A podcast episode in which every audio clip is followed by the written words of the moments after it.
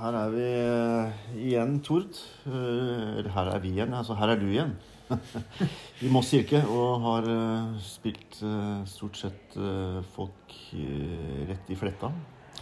Med rom for håp og med fredsappell først. Og så mm, begynte du med et ukrainsk kyrie, som vi egentlig kjenner veldig godt i kirka, men som ikke alle vet at er derfra. Og det, det var jo det utgangspunktet fikk du for deg eh, noen minutter før du satt deg flyet.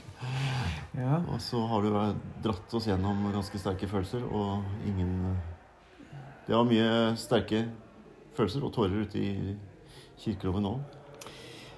Men øh, det har egentlig vært morsomt å tenke nå, for du har, vært, du har jo vært der Det er nesten liksom årlig at vi må hale deg hit for at det skal bli et fullkomment år i, i kulturlivet i Moss. Ja, det er, det er veldig så- fint sagt, da, men det er jo nødvendig for at det blir et fullkomment år i mitt musikerliv også. Ja, takk skal du ha. Mm. Det er vakkert eh, sagt, altså, men det er kanskje en lissepasning. Men, eh, men eh, det, det, grunnen til at vi satte oss ned og prata litt nå, før toget ditt går, er jo at vi har et eh, veldig spesielt konsertkonsept i 30. april. Lørdag 30. april. Syv timers konsert Wow. med musikk av Olivier Messier. Og jeg visste jo at du har, eh, du har lekt deg litt med den komponisten tidligere. Sammen med liksom, musikken hans og improvisert. Og du har gjort det med annen musikk som vi har eh, fått lov til å gjøre sammen. Ikke minst Mhm. Bach. Ikke minst. Og ikke minst uh, Martin Mhm, Det også. og flere ting. Så, så det var veldig sånn lett å tenke at vi må ha noe kontrastfylt på en uh, lang kveld med klaver, orgelmusikk, kammermusikk, eh, foredrag osv. Og, så, og så var du klar. Men det var liksom litt på håret, altså, fordi du, er på, du skal ut på europaturné.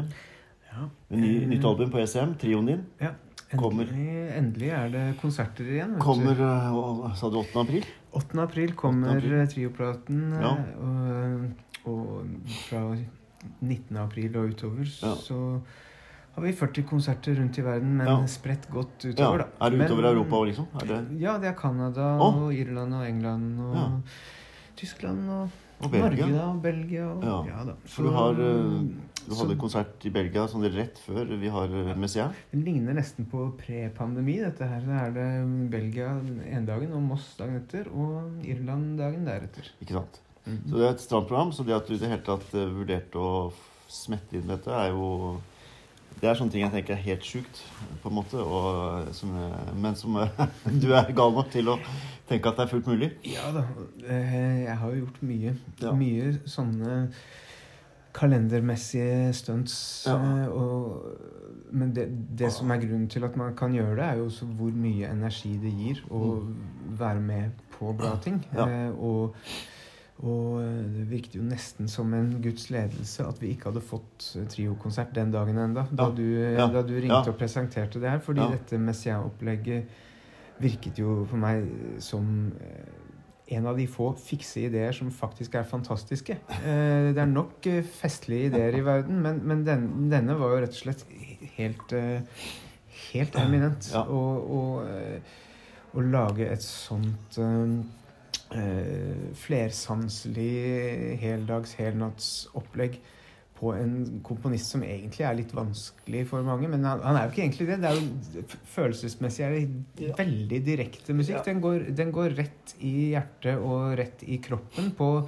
på nesten alle. Mm. Eh, enten Det er de har veldig intuitivt. Altså det er Ja, sånn, det eh, du det. trenger ikke å ha syv års eh, akademisk utdannelse i komposisjonsteknikk for å, for å få noe ut av det. Og det er litt sånn hvis. Du trenger, du trenger lang utdannelse for å klare å spille det, for Ja. det er vanskelig. Ja, ja, det er kjempevanskelig. Men, men, men, og det er jo noe av det som er så så sterkt med Messia, hvor du, du kan analysere og sette deg ned med bare én sats, eh, og du har, du har jobb i fem år eh, Mm. med å analysere den, men Ja. du, du kan få en helt umiddelbar hjerteopplevelse mm. eh, av det samme stykket, og trenger ikke å skjønne noe som helst annet enn at dette var en eh, overveldende skjønnhet som fikk meg til å gråte og le. Mm, ja.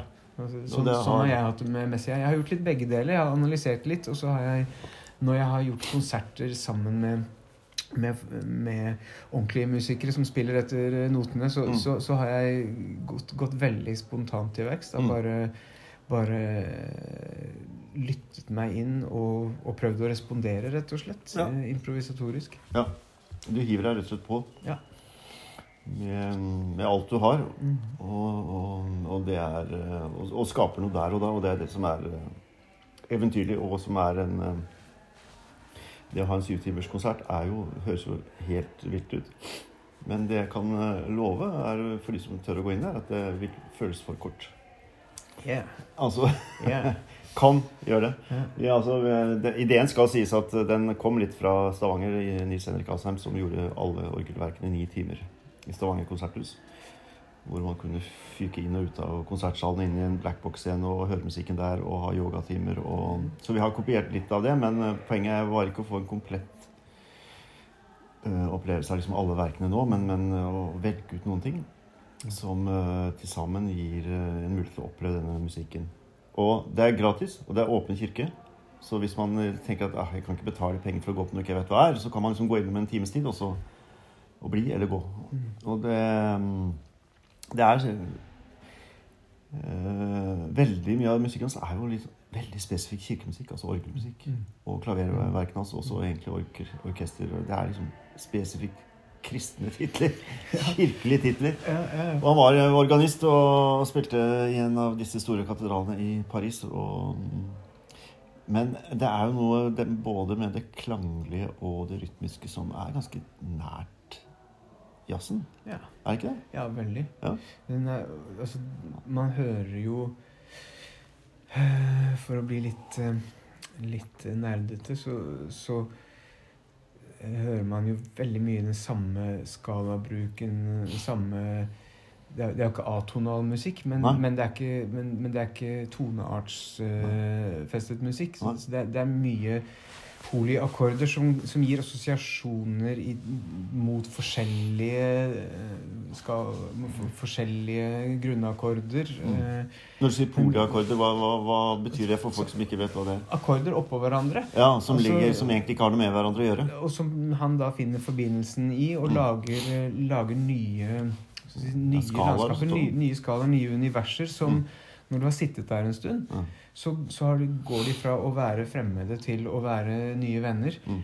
Ja. Eh, og, og det får han eh, til på en, eh, på en merkelig måte. Mm. Eh, og så- og så, så er det jo også veldig flotte melodiske temaer, selv om det, Mm. det ikke er vanlig dur og moll, eh, som man blir grepet av. Mm. Og så har du hele dette altså Det er jo det to eh, Mystikken hans Han skriver jo musikk til treenigheten, eh, musikk om pinsen Mm. altså den, Mm. Men så var han jo også en naturmystiker. Mm. Og, og la veldig ofte inn fuglesang i, i verkene. Mm. Og, og den uh, At såpass avansert musikk har en så en så uh, direkte kobling inn, inn til, til eh, naturlyder. da. Mm. Mm. Syns jeg også er, er både fascinerende og gripende. Mm. Ja. ja, naturmusiker det er også et ord jeg har liksom tenker at det stemmer veldig på. Og så er det noe med disse klangfargene rytmen, at det er litt sånn fremmedartet, men det er som et sånt eh, fransk gourmetmåltid. Altså med sånn Ja. Du bare liksom tar en bit, og så bare kjenner du noen smaker som du liksom tenker er helt vanvittig, og så tar du denne denne franske vinen, og så, og så, og så Og det er et eller annet sånn med den musikken. Altså at det er som et, øh, det er som et øh, godt måltid og en god flaske vin med smaksrikt. Ja. Og overraskende mm. smaker. Altså ting du tenker Har jeg noen gang smakt dette før? ikke sant? Og så har jeg noen gang hørt dette.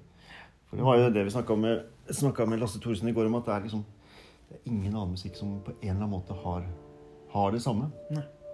Altså, og hvis du prøver å kopiere det, så blir det på en måte vanskelig, da. Og, Ja. Så ja. Nei, men det er så gøy. Så bare lukke døren litt her. Og så Vi skal ikke stenge musikken ute, men, men uh, slippe den inn.